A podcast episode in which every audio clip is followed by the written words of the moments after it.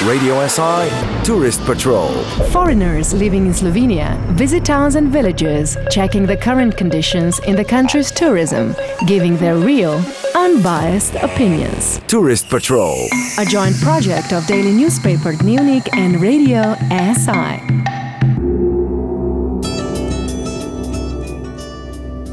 Today we're in the center of Slovenia, its capital and the largest city, Ljubljana. According to major guidebooks, it also happens to be one of Europe's greenest and most livable capitals. Patrolling the city for our tourist patrol show have been two foreigners this time from uh, Japan, two ladies actually. Keiko Miyazaki Vahčič and her friend Chieko Sakazume. How much did you actually know about Ljubljana before coming here? I used to live in Ljubljana when I was a student, also after the student life. For two years I lived in Ljubljana, so it was not my first visit here. Has your impression changed in any way? Actually, yes. When I came to first time Ljubljana, it was uh, 12 years ago and uh, I could feel still the old socialistic uh, feelings, you know, from the building.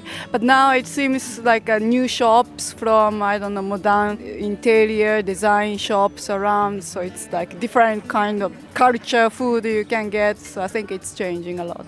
Keiko, where were you located in Ljubljana and how did you find the place? My friend found a good hotel and uh, we, we stayed there. You're talking about online search now? Yeah. And how did you like it? It was very nice, clean, a nice breakfast, nice uh, people, like kind people. Yeah, its very location was also good and near to the center. Uh, you must have done some sightseeing. Which sites would you point out? Like typical site is a Grad castle but you can just enjoy just walking to the street because it's really uh, nice and uh, cozy, nice weather and music you can hear everywhere. Uh, you can sit coffee if you are thirsty. So you actually did see the castle, Chieko? Yes, we went uh, for the castle by not funicular tourist train which starts in front of the city hall. For return trip, it was 4 euro per person it was nice, light, and comfortable, so exclusive for tourists. We really enjoyed the light.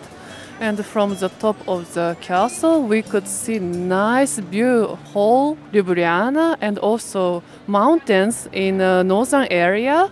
It was so nice and so breathtaking view. Did you visit any galleries perhaps? Keiko, you're an artist yourself, right? Yes. We went to see a modern gallery called uh? Yes, thank you. It was small. First, uh, I thought it was nothing, but then the quality of the work was just amazing. Really, really nice. Uh, it's actually conceptual art, but you can feel the atmosphere of the work, meaning. You, you know, you can see many different art and you don't think about it. But this one, personally, I really liked. I really enjoyed the exhibitions.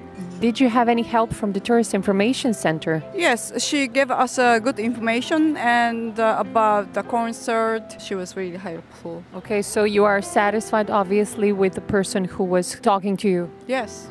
Many sites in Ljubljana are within walking distance. It's also worth mentioning that the city center is restricted for car traffic.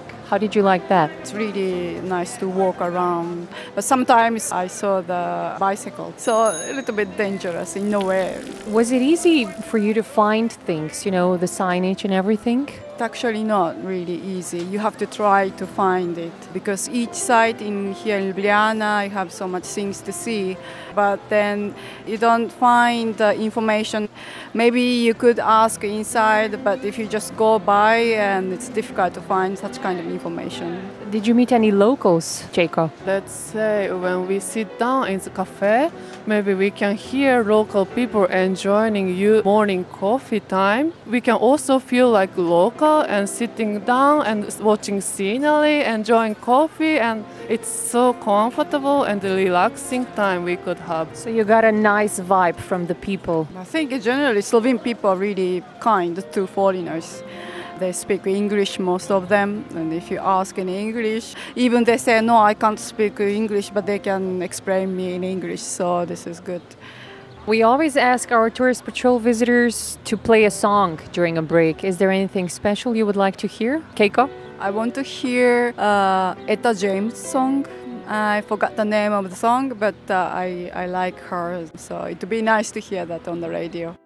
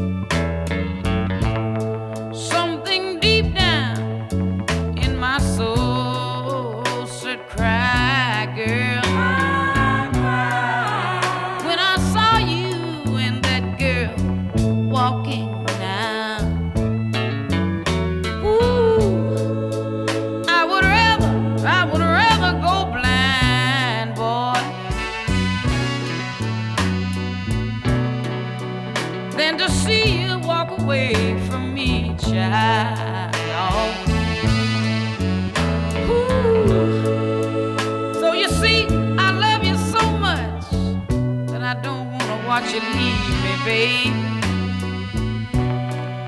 Most of all, I just don't, I just don't wanna be free,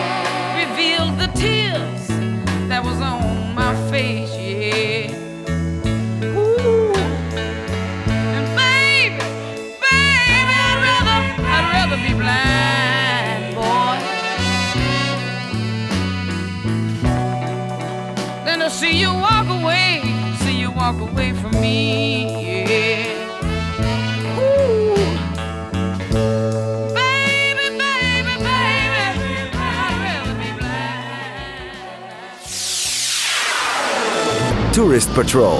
On Radio SI.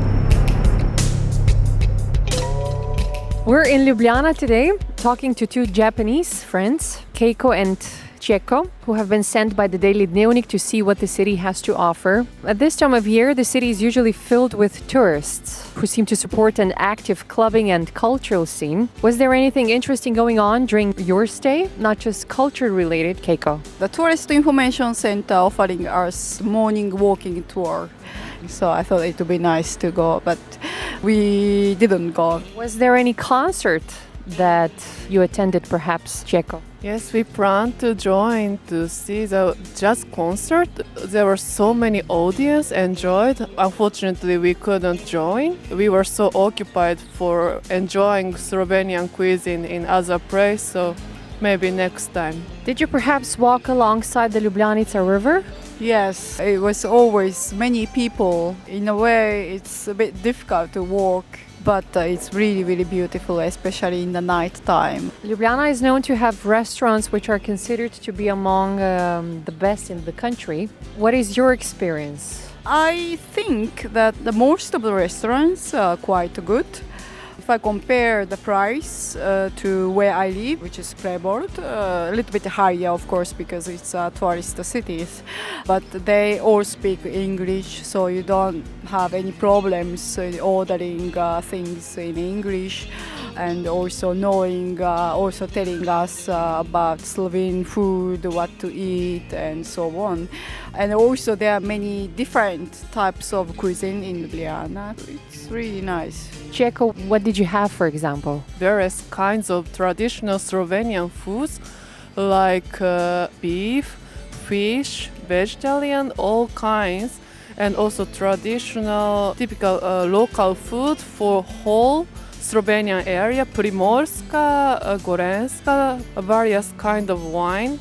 it's so hard to choose. Most I enjoyed local wine and they chose the best one for me and it's not so pricey to compare to other big cities like London, New York, maybe let's say Tokyo. I could really enjoy. especially here.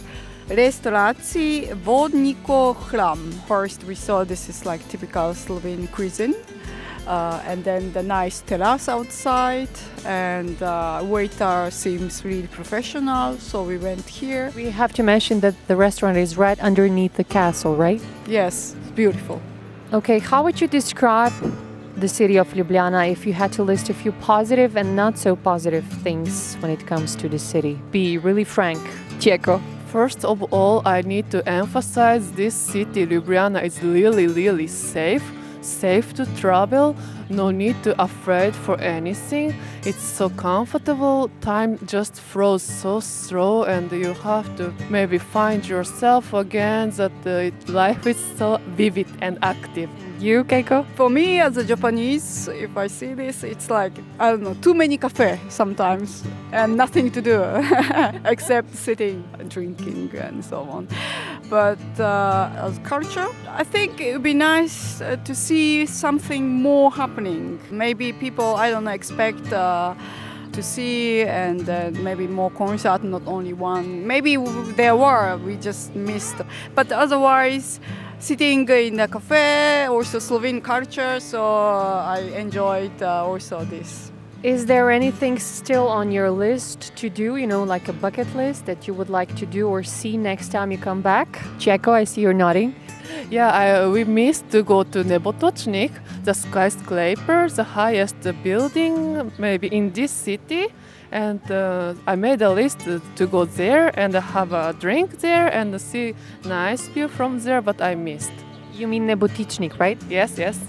Is there anything else you'd like to add at this point? I want to also try the cinema at the sky. I think this would be nice.